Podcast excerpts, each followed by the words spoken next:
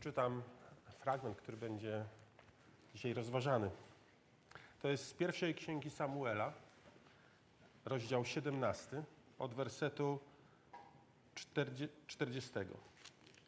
Znana nam wszystkim historia o Dawidzie i Goliacie. Pierwsza księga Samuela, rozdział 17, od wersetu 40. Wziął Dawid natomiast do ręki swojej kij i wybrał sobie pięć gładkich kamieni z potoku i włożył je do torby pastuszej, którą miał przy sobie, a służyła mu ona jako sajdak na kamienie. I tak z procą w ręku podchodził do Filistyńczyka. Także i Filistyńczyk zbliżał się coraz bardziej do Dawida, a przed nim jego giermek.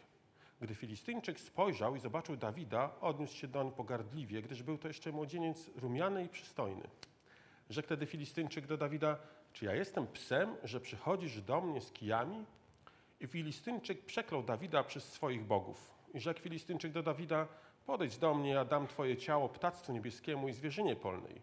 Wtedy Dawid odpowiedział Filistyńczykowi, ty wyszedłeś do mnie z mieczem, z oszczepem i z włócznią, a ja wyszedłem do ciebie w imieniu Pana zastępów, Boga szeregów izraelskich, którego zelżyłeś, które zelżyłeś.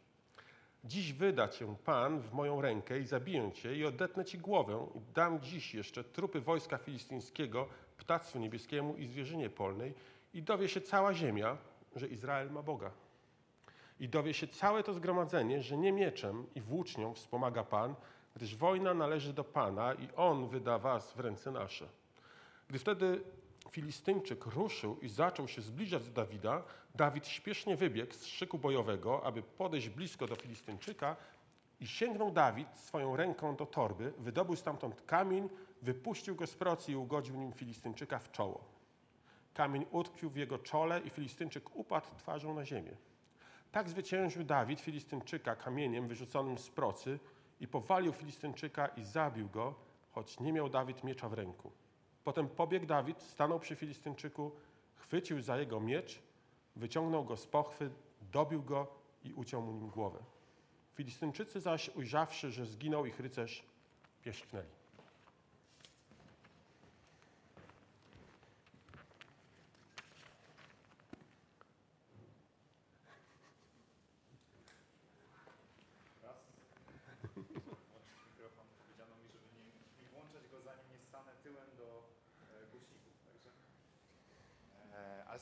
Słychać mnie? O, tak, teraz, tak. Jest, teraz mnie słychać, tak? Dobrze, więc e, tak. Fragment, który, który byśmy chcieli dzisiaj przerobić, to jest też fragment właśnie ze Starego Testamentu i on opowiada o, e, o, o Dawidzie i Goliacie.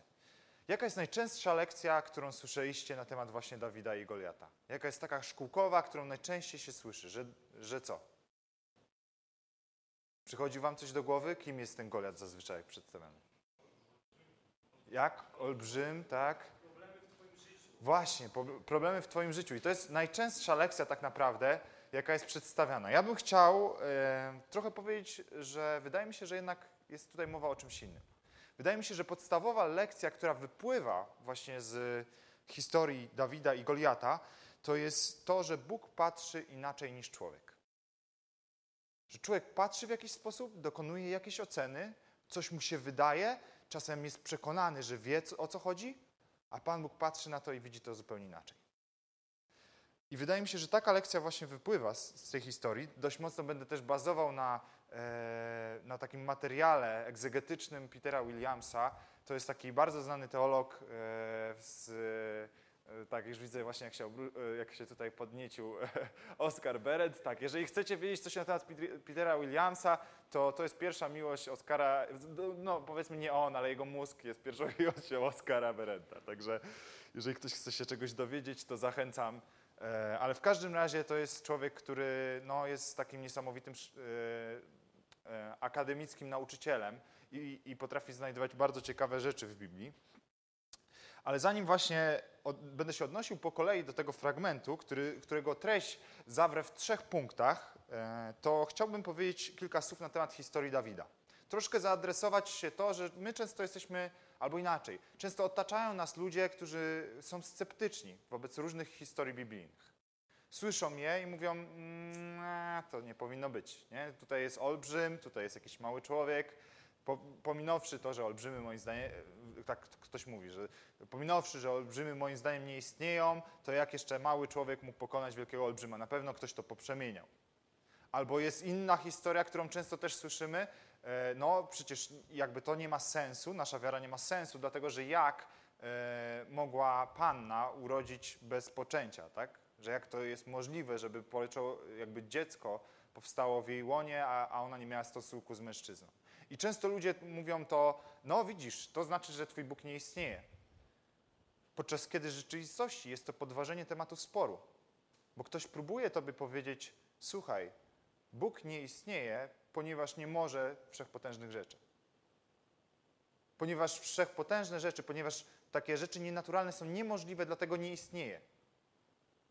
Ponieważ ja nigdy nie widziałem tych rzeczy, to nie może istnieć e, wszechmogący Bóg. E, I, I tak naprawdę to jest ciekawe, bo jeżeli ktoś tak ujmie sprawę, to ja też powiem, to ja nie wierzę w Boga. Rzeczywiście, ja nie wierzę w takiego Boga, który nie jest wszechmocny. Jeżeli to miałby być Bóg, który sprowadza się do podstawowych procesów i jest ograniczony przez świat, to ja też w niego nie wierzę. E, ale taką perspektywę często ma sceptyk, że nie, nie, to się nie zgadza. Nie może być tak. Jeżeli Bóg jest potężny, nie, inaczej, jeżeli mamy rozmawiać o jakimś Bogu, to on musi być ograniczony do podstawowych procesów i musi robić dokładnie to, co każdemu się wydaje, że powinien robić. A jak robi coś ponadnaturalnego, to już w ogóle nie istnieje. E, I podobnie też, e, kiedy odwiedzamy uczelnie i rozmawiamy z ludźmi na temat właśnie Boga podczas diagramu światopoglądowego, to bardzo częstym takim innym ciekawym stwierdzeniem jest to, że, że, że ludzie mają problem z dostrzeżeniem w swoim życiu sensu. A dokładnie patrzą na ten sens e, i, i kiedy patrzą na niego, to twierdzą, nie ma, życie nie ma sensu. Równocześnie jednak mają głębokie poczucie i unikają na ile mogą nihilizmu, nazywając siebie ateistami albo kimkolwiek innym, byleby nie stwierdzić, że to jest podstawa mojego życia, że życie nie ma sensu. I tak robi każdy człowiek. I każdy człowiek ma głębokie wewnętrzne przekonanie, że, że szuka tego sensu. Chce żyć z sensem, nie potrafi żyć bez sensu. I taki jest obraz wszystkich ludzi.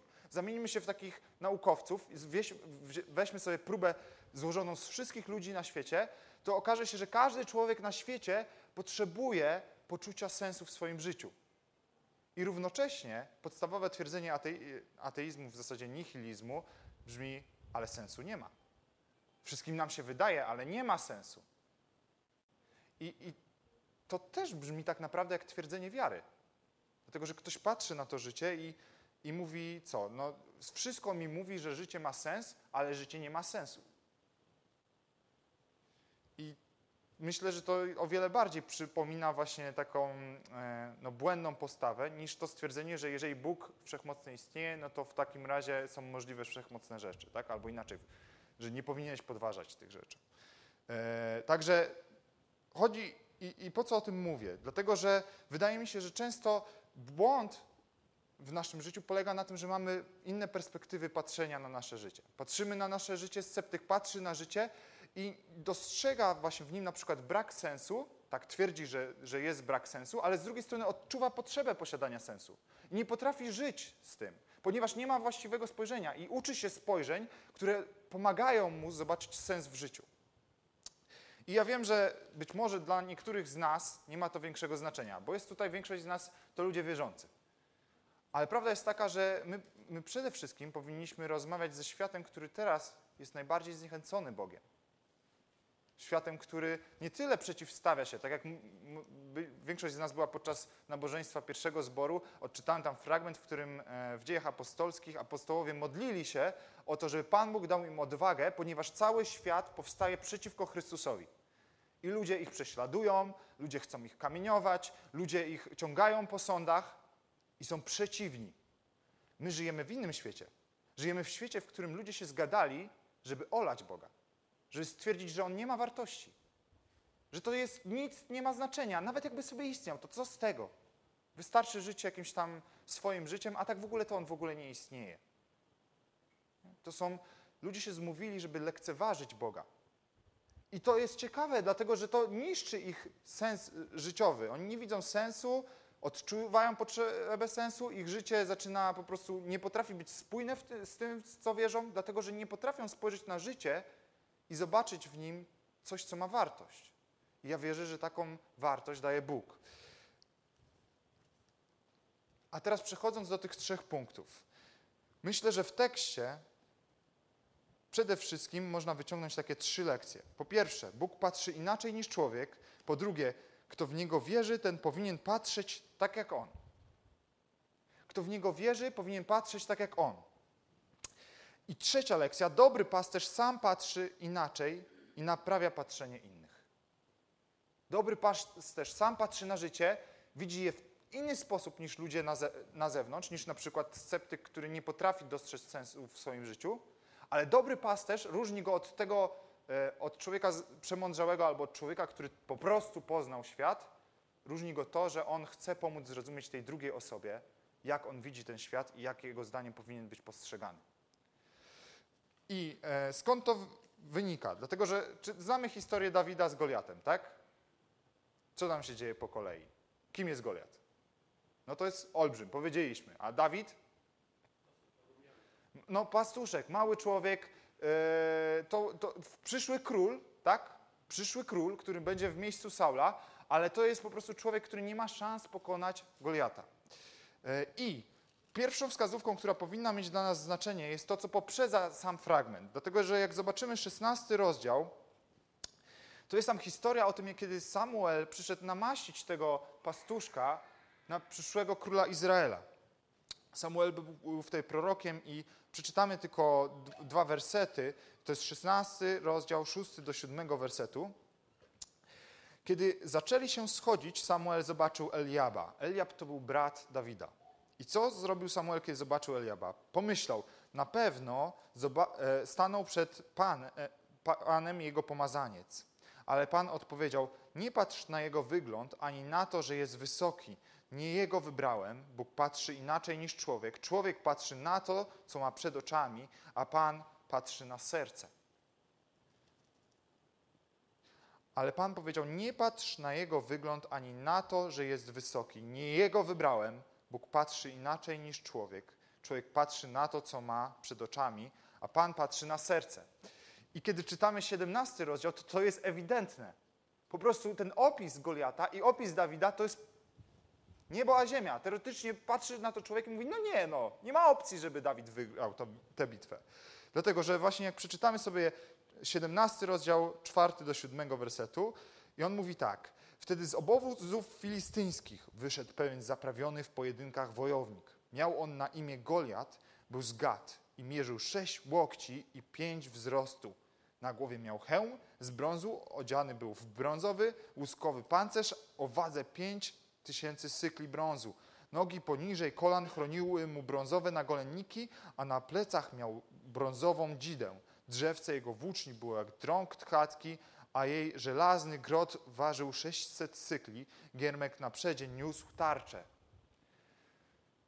Ciekawostka mała. Giermek, który niósł tarczę, to nie jest sobie taki nasz średniowieczny giermek, tak rozumiany przez nas, czyli taki, który sobie niesie tarczę o w ten sposób i potem rycerz mówi, o daj mi tarczę, więc on mu podaje tarczę. To jest giermek, który chroni wojownika, żeby ten nie zginął z haniebnego strzału z dystansu. Bo nie wypadało, żeby wielki wojownik zginął ze strzału z dystansu, więc Giermek idzie przed nim starszą, on broni Goliata. On nie nosi jej pasywnie, on stoi przed Goliatem i zasłania go, żeby nic go tylko nie dorwało. Także Goliat wielki, opancerzony, jeszcze ma pomocnika. I potem mamy opis Dawida, który w 38 wersecie mówi tak. Potem Saul oddział Dawida w swoją tunikę. Włożył mu na głowę brązowy hełm, przypiął pancerz, a na tunikę przypasał swój miecz. Dawid próbował w tym chodzić dla nabrania wprawy, po chwili jednak stwierdził, nie mogę w tym iść. Mam za mało wprawy i zdjął to wszystko z siebie. Potem Dawid wziął do ręki swój kij, wybrał sobie z potoku pięć gładkich kamieni, włożył je do kieszeni swojej e, pasterskiej torby, wziął do ręki procę i ruszył ku Filistynowi. Rozumiecie ten obraz? Z jednej strony czołg, a z drugiej strony maluch. Tak? I ktoś wyjeżdża maluchem i próbuje staranować czołg. Widzicie tą wizję? No dla nas to jest, myślę sobie, że może to się trochę ro- odróżniać, bo sobie myślimy, a no tak, no to przecież ktoś jest z mieczem, walczy przeciwko komuś z kijem, no to chyba jakaś możliwość jest, że ten go ogłuszy. No nie, nie ma możliwości. Tak naprawdę to nie do końca jest w ogóle możliwość. Trzeba mieć takiego farta, żeby z takiego kamienia trafić kogoś, kogo osłania giermek, jeszcze w pełnym rysztunku i go zabić, że to jest naprawdę jakby chcieć maluchem rozwalić czołg. Także to jest wizja, która się tam namalowywuje. Z jednej strony wielki Goliat, potem Dawid, no sytuacja nie do rozwiązania, ale i teraz przejdźmy do drugiego pu- punktu. Czyli to było tak, jak patrzy człowiek, a Bóg patrzy inaczej na tą samą sytuację. Ale teraz drugi punkt mówi tak. Kto w Niego wierzy, ten powinien patrzeć tak jak On. I to opieram na tych różnych spojrzeniach, bo ciężko jest nawet tak po przeczytaniu fragmentu tylko tekstu, bo to jest rozdział, który ma ponad dwie strony, to ciężko jest wychwycić wszystkie obserwacje, ale tą ciekawą rzeczą jest to, że tam różni ludzie mają różne spojrzenia i różnie patrzą na tę sytuację. I na przykład dwór Saula, jak patrzy na Goliata. 17 rozdział od 8 do 11 wersetu. Goliat stanął i zawołał w stronę szeregów Izraela. Hej, po co macie ustawiać się do bitwy? Czy ja nie jestem Filistynem, a wy sługami Saula?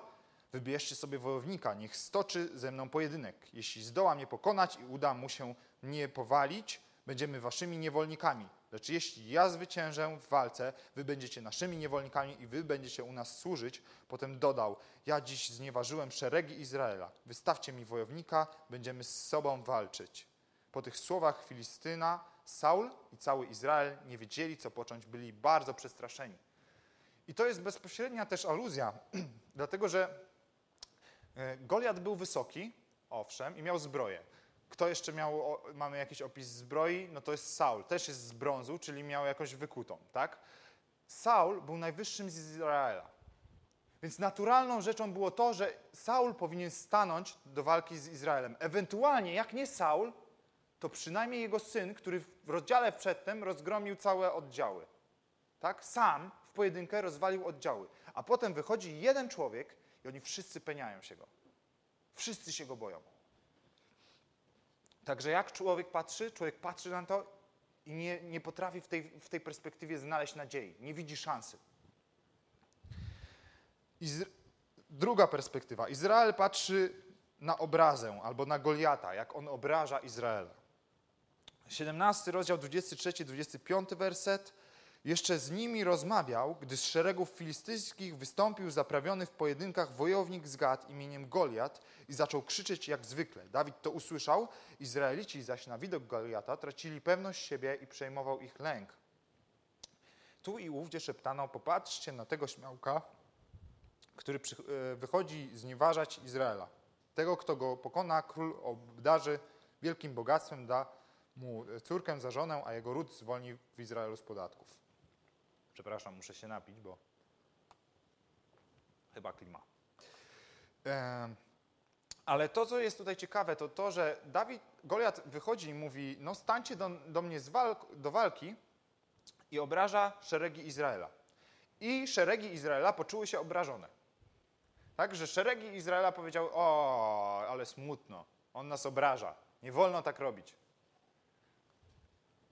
Nie, tak naprawdę siedli po cichu i nic nie powiedzieli, bo im siara, po prostu jest wielki Goliat, każdy z nich siedzi, patrzą może na, no Saul pójdzie czy nie pójdzie, pójdzie czy nie pójdzie, a jego syn e, pójdzie? No nie pójdzie. I, I siedzą i przez 40 dni czekają tam, po prostu jak tućki takie, nie wiem jak to inne słowo użyć, ale po prostu sie- siedzą i nie wiedzą co ze sobą robić, nie widzą nadziei. I patrzą na tą obrazę, jakby ktoś obraził ich. Jak patrzy Dawid? Dla pewności Dawid zapytał wojowników, 26 werset, którzy stali najbliżej niego. Co obiecano człowiekowi, który pokona tego Filistyna i zdejmie hańbę z Izraela? Bo kim jest ten nieobrzezany Filistyn, żeby żyć w szeregi żywego Boga? Oj, Dawid się nie przejął tym, że on prze, obraził jedynie Izraela. On się, prze, on się przejął tym, że on obraził w ten sposób Boga.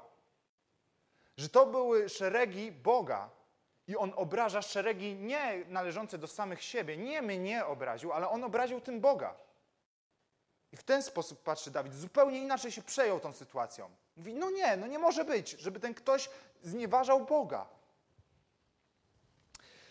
Dalej, Eliab patrzy na Dawida. Eliab to jest brat Dawida, e, o którym też przeczytaliśmy, że kiedy przyszedł do Samuela, to, to Pan Bóg mu powiedział, nie patrz na to, że on jest wysoki i przystojny. Druga wysoka osoba, która być może powinna była wtedy stanąć do walki. Ale co on mówi? 28 werset. Gdy Eliab, najstarszy brat, usłyszał, o czym Dawid rozmawia z wojownikami, uniósł się gniewem i powiedział, po co tu przyszedłeś? Komu zostawiłeś tych parę owiec na pustyni? Znam ja twoje zuchwalstwo. Przyszedłeś tu tylko po to, by patrzeć na bitwę. Dawid odpowiedział, a co ja zrobiłem? Czy nie wolno mi rozmawiać? Czyli Eliab patrzy na niego. Eliab, wiemy, wysoki, powinien być może stanąć teraz do walki. Na pewno jest wojownikiem. On tam siedzi od 40 dni w, w okopach, e, a, a Dawid jakby rozmawia o tym, chce teraz e, zmagać się z Goliatem. I co więcej, ten Eliab zarzuca Dawidowi, mówi, ty tu przyszedłeś tylko gadać, co ty zrobiłeś ze swoimi owcami? I ciekawe jest, że 22 werset mówi nam, co Dawid zrobił z swoimi owcami. Bo mówi, Dawid przekazał to, co przyniósł pod opiekę stróża, a potem przebiegł do... Dawid przekazał to, co przyniósł... No, to nie jest ten fragment, przepraszam. E... 20 werset. Dawid wstał wcześnie rano, powierzył owce stróżowi, wziął z sobą zaopatrzenie i poszedł, jak mu polecił Jesaj. Czyli Dawid zrobił swoje zadanie i przyszedł, a kto nie zrobił swojego zadania? Eliab. I Eliab reprezentuje nas w takiej sytuacji bardzo często, kiedy my potrafimy zobaczyć, że ktoś coś nie robi, albo coś nam się nie podoba i naszym zdaniem przyszedł tylko gadać i, i, i narzekać, a sami tak naprawdę jesteśmy winni naszych zaniedbań. Sami potrafimy być niedoskonali, sami potrafimy, e, no na przykład potrafimy podejść do kogoś, kto służy i powiedzieć mu, a powiedziałeś to i tamto, a, a, a kiedy ty starałeś się coś powiedzieć? Kiedy ty starałeś się zadbać o jakąś osobę? Kiedy ty starałeś się właśnie przygotować jakiś wykład albo okazanie, albo przygotować grupkę, a często potrafimy mieć pretensje do kogoś, kto potknął się podczas robienia bardzo trudnego zadania. Kogoś, kto na przykład niechcący obraził osobę, podczas kiedy tam budował jakieś relacje, tak? Budował relacje, uczył go chrześcijaństwa i, i przez przypadek u, uraził tą osobę. I my potrafimy się oburzyć i powiedzieć, dlaczego ta osoba u, uraziła tego brata. Ale on próbował go budować, a ty co robisz? Kogo próbowałeś budować? Czy tylko stajesz w obronie, a sam nie budujesz innych? Także to jest taka perspektywa właśnie ciekawa hipokryzji. E, ale też jest inna postawa. Saul patrzy na Dawida i to jest 17 rozdział, 32 werset. Wówczas Dawid powiedział do Saula, niech z powodu tego Filistyna nikt niech truchleje ze strachu, twój sługa pójdzie i będzie z nim walczył. Lecz Saul zaoponował, nie możesz tak po prostu wyjść, aby z nim walczyć. Ty jesteś jeszcze chłopcem, a on jest wojownikiem od swojej młodości. I ciekawe jest kolej, znowu to, Saul wysoki gościu, E, I on był synem wojownika. Jego ojciec był wojownikiem, także teoretycznie powinien, miał pole do tego, żeby być przeszkolony w tej dziedzinie. E, no ale zarzuca Dawidowi, że ten jest małym gościem, który w zasadzie nie powinien się wyrywać przed szereg. Dawid, który chce coś zrobić. Ktoś, kto ma chęć i pragnienie zrobienia zmiany w tym życiu. A my mówimy mu, mimo że jesteś, bo jesteśmy tak przeszkoleni, że mówimy mu, a ty nie bierzesz pod uwagę tego, tamtego, to nie ma sensu w ogóle się tym zajmować. Nie ma sensu. Teraz, teraz no ja widzę, patrzę na tego młodego człowieka, myślę, ja pracuję z młodzieżą. Ja często mam styczność z młodymi ludźmi, którzy mają dzikie pomysły, którzy mają dziki optymizm. I wiecznie ludzie, którzy są starsi od nich, mówią im, no nie, tu, tu tego nie wziąłeś pod uwagę, tamtego nie wziąłeś pod uwagę, tamtego nie wziąłeś pod uwagę. Ale pozwól mu. Poprowadź go, może powinieneś go wesprzeć.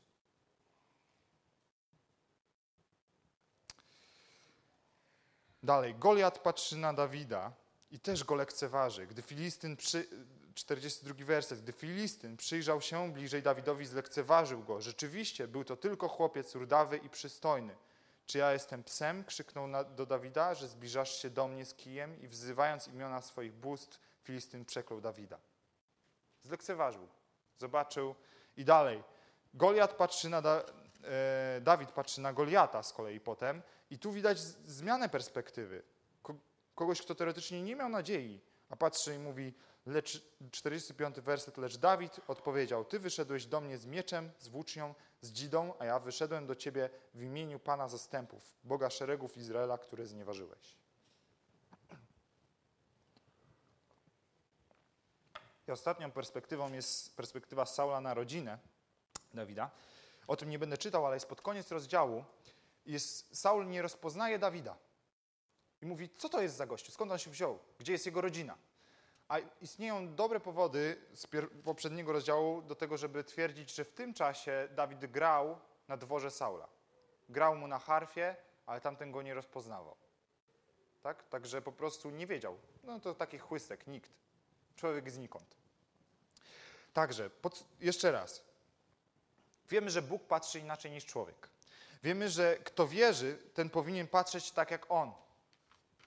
I to ma szczególne znaczenie, słowo wierzy, i powinno być rozumiane inaczej niż rozumiane jest w naszych czasach.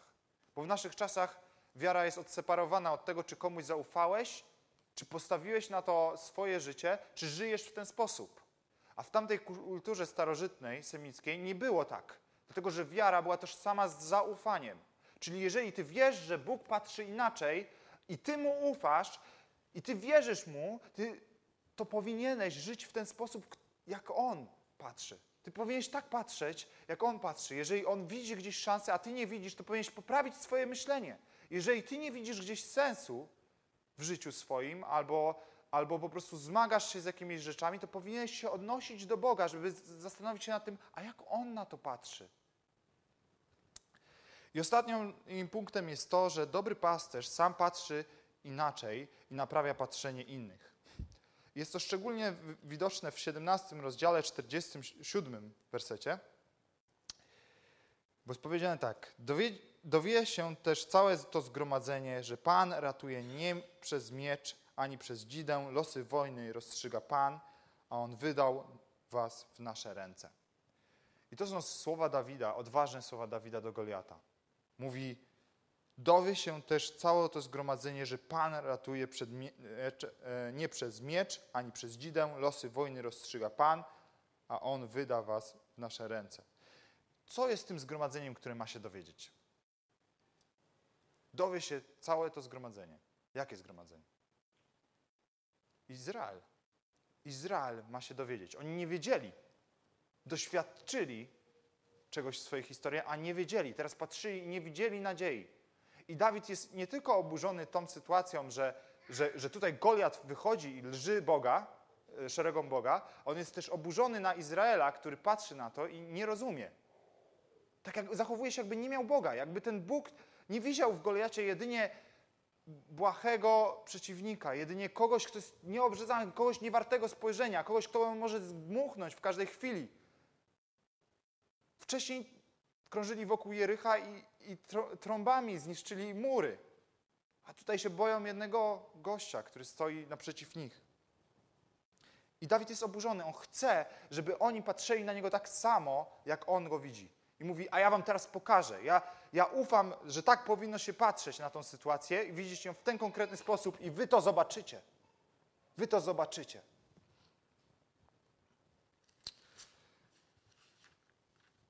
Ale jest jeszcze jeden e, ciekawy fragment, ale konkretnie on dotyczy Dawida i lwów. I to jest 17 rozdział, e, 33 werset. Bo Dawid mówi tak. E, przepraszam, księga mówi tak. Lecz Saul zaoponował: Nie możesz tak po prostu wyjść, aby z nim walczyć. Ty jesteś jeszcze chłopcem, a on jest wojownikiem od swojej młodości. Lecz Dawid się nie zniechęcił. Twój sługa pasł owce swojego ojca, przekonywał Saula. Gdy zjawił się lew albo niedźwiedź, porywał mi owce ze stada. Wchodziłem za nim, powalałem go na ziemię i wyrywałem mu zdobycz z paszczy, a jeśli się na mnie rzucił, chwytałem go za grzywę, biłem go i zabijałem. Skoro lwa i niedźwiedzia zwyciężał twój sługa, ten nieobrzezany Filistyn będzie jak jeden z nich, szczególnie, że nie znieważył szeregi żywego Boga. I to jest o tyle ciekawa historia, dlatego że jest, jak człowiek zna jakby taki kontekst e, kulturowy tamtej sytuacji, jak ktoś by, byłby pasterzem, to by po prostu wyśmiał Dawida. I nie dlatego, że nie ma szansy, no to jest inna rzecz, że to jest ponadnaturalne. To jest jakiś cud, który się tam wydarzył, ale dla, szczególnie dlatego, że nikt nie puściłby się za jedną owcą po to, żeby ratować ją od lwa. Po pierwsze, Dawid miał podstawowe narzędzie pasterza, którym pasterz posługiwał się przy odstraszaniu zwierząt. To była proca. Prosą rzucano się w lwa, a nie się rzucano na niego z gołymi rękoma, żeby wyrwać mu z paszczy y, po prostu jakąś owcę. Druga rzecz. Lwy dopadają, tak jak inne drapieżniki, dopadają najpierw najmniejsze sztuki z stada, bo są najłatwiejsze. Czyli zdecydowanie najprawdopodobniej Dawid puścił się za lwem, który ukradł jakieś małe, małą owieczkę i to z rękoma, zamiast rzucać w niego kamieniami. Trzecie, owce nie były jego. Owce były ojca. A on i tak to zrobił. Także kiedy patrzymy na to, to powstaje jakiś szalony obraz. Dlaczego Dawid w ten sposób postąpił? I być może jest tutaj wizja czegoś, co echo znajdziemy w, w Ewangeliach. Dlatego, że tak mówi dziesiąty rozdział Ewangelii Jana, jedenasty werset. Ja jestem dobry pasterz, i to mówi Jezus, mówi Jezus o sobie. Ja jestem dobry pasterz, dobry pasterz oddaje za owce własne życie. Najemnik, który nie jest pasterzem ani właścicielem owiec, gdy widzi, że zbliża się wilk, porzuca owce i ucieka. Wilk zaś porywa je i rozpędza. Najemnik zachowuje się tak dlatego, że jest tylko najemnikiem i nie zależy mu na owcach. Ja jestem dobry pasterz. Znam moje owce, one też mnie znają. Podobnie jak ojciec zna mnie, ja znam mego ojca i za owce oddaję własne życie. Co robi dobry pasterz? Oddaje za owce własne życie. Nie ucieka, kiedy przychodzi wilk. Nie ucieka, kiedy przychodzi ktoś ukraść te owce. Ten dobry pasterz oddaje swoje życie za owce. I tak Dawid widzi Izraela. Widzi go w ten sposób dokładnie, że przyszedł wilk, przyszedł Goliat i chce okraść stado Boga, bo Izrael był nazywany owczarnią Pana Boga. Także on chce zrobić szkodę owcom, więc ja go dorwę i pokażę mu, gdzie raki zimują. I Dawid w ten sposób patrzy, jak Jezus Chrystus oddał za nas swoje życie, tak Dawid był gotów oddawać swoje życie za te biedne małe owce, które ukradł lew. Bo po prostu miał inną perspektywę. Widział to jako wierność. Widział to, że Bóg będzie z nim, a on będzie się rzucał i robił to, co należy zrobić. Jezus wyznaczył też wzór w tym postępowaniem dla apostołów. To nie jest tak, że to jest na, na coś, co zrobił tylko Dawid i, i, i Jezus. Apostołowie też oddali swoje życie za owce. My powinniśmy również opiekować się tą trzodą. Powinniśmy tak w ten sposób patrzeć na siebie nawzajem. Nie bać się tego, co nas otacza. Nie bać się tego, że jesteśmy słabi. Gdyby Dawid miał patrzeć na swoje siły, to ta historia w ogóle nie miałaby miejsca. Gdybyśmy my mieli patrzeć, zwróćmy uwagę, jakie historie nie, nie będą miały miejsca, jeżeli my będziemy patrzeć na to, że jesteśmy introwertykami, że nie potrafimy ludziom mówić Ewangelii, że nie potrafimy kochać, że mamy za mało czasu, że jesteśmy zbyt zajęci, że ktoś nas wyśmieje, że ktoś się na nas obrazi.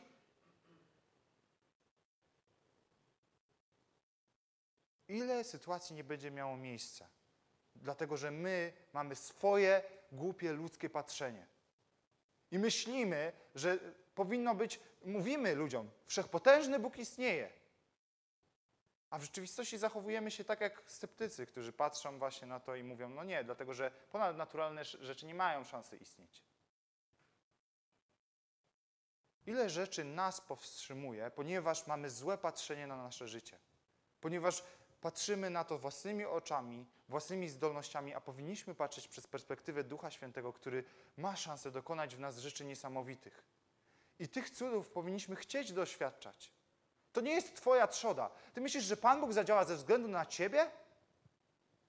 Nie, On nie za, zadziała ze względu na mnie. On nie za, zadziała ze względu na Ciebie. To jest Jego trzoda. To jest Jego biznes. On zadziała ze względu na siebie. Bo chce, żeby Jego imię było uwielbione. Tutaj w naszej grupce ludzi, czy w jakimś innym kościele, ale i na uczelni, w pracy, On chce, żeby te, Jego imię było uwielbione. Pytanie, czy my jesteśmy jak Dawid, jesteśmy w stanie stanąć na wysokości zadania i walczyć o to imię Boga, żeby było uwielbione, żeby nie było znieważane.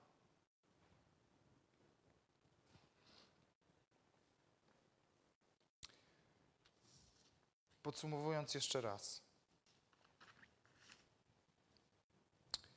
Bóg patrzy inaczej niż człowiek. Bóg ma inną perspektywę, widzi świat w innym sensie. I widzi to w, w rozbudowany sposób. Druga rzecz, kto w Niego wierzy, ten powinien patrzeć tak jak On. Te dwie rzeczy mówią nam o tym, że to nie jest intuicyjne widzieć świat tak, jak Bóg widzi. To nie jest proste. Ten, kto wierzy, powinien patrzeć tak jak Bóg, ale powinien dlatego, że nie potrafi widzieć. I potrzebuje w tym pomocy. Ewangelia Jana, 16 rozdział, 13 werset mówi tak. Jednak gdy przyjdzie On, Duch Prawdy, i to jest mowa o Duchu Świętym, wprowadził was we wszelką prawdę, ponieważ nie będzie mówił sam od siebie, lecz powie o wszystkim, co usłyszał i powiadomi was o tym, co ma nadejść. Skąd usłyszał? Skąd ma nadejść? On mnie uwielbił, gdyż z mego weźmie i wam przekaże. Wszystko to, co ma ojciec, jest moje, dlatego powiedziałem, że z mego weźmie i wam przekaże. Co może przekazać nam, na przykład już teraz Bóg? Może nam przekazać swoje patrzenie. Duch ma nas wprowadzić w prawdę. To znaczy, że nie mamy jeszcze tej prawdy, skoro ma nas w nią wprowadzić. Że jest jeszcze prawda, którą Pan Bóg będzie nam objawiał przez swojego ducha.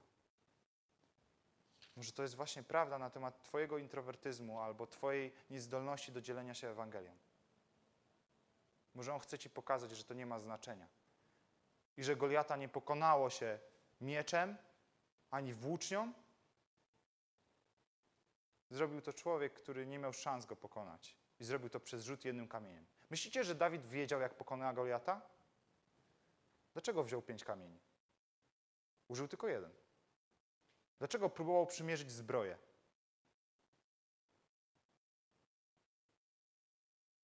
Dlaczego wziął kij?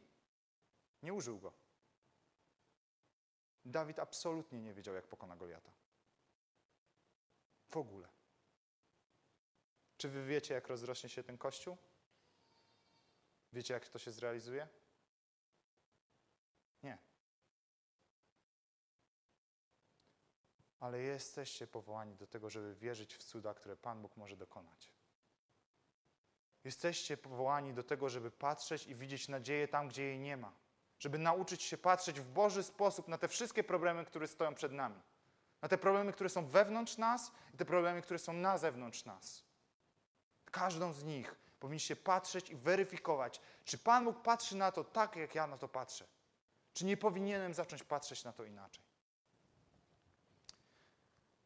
Pomódlmy się i poprośmy Pana Boga, żeby dał nam swoje oczy, żeby nauczył nas patrzeć w taki sposób, jak On patrzy.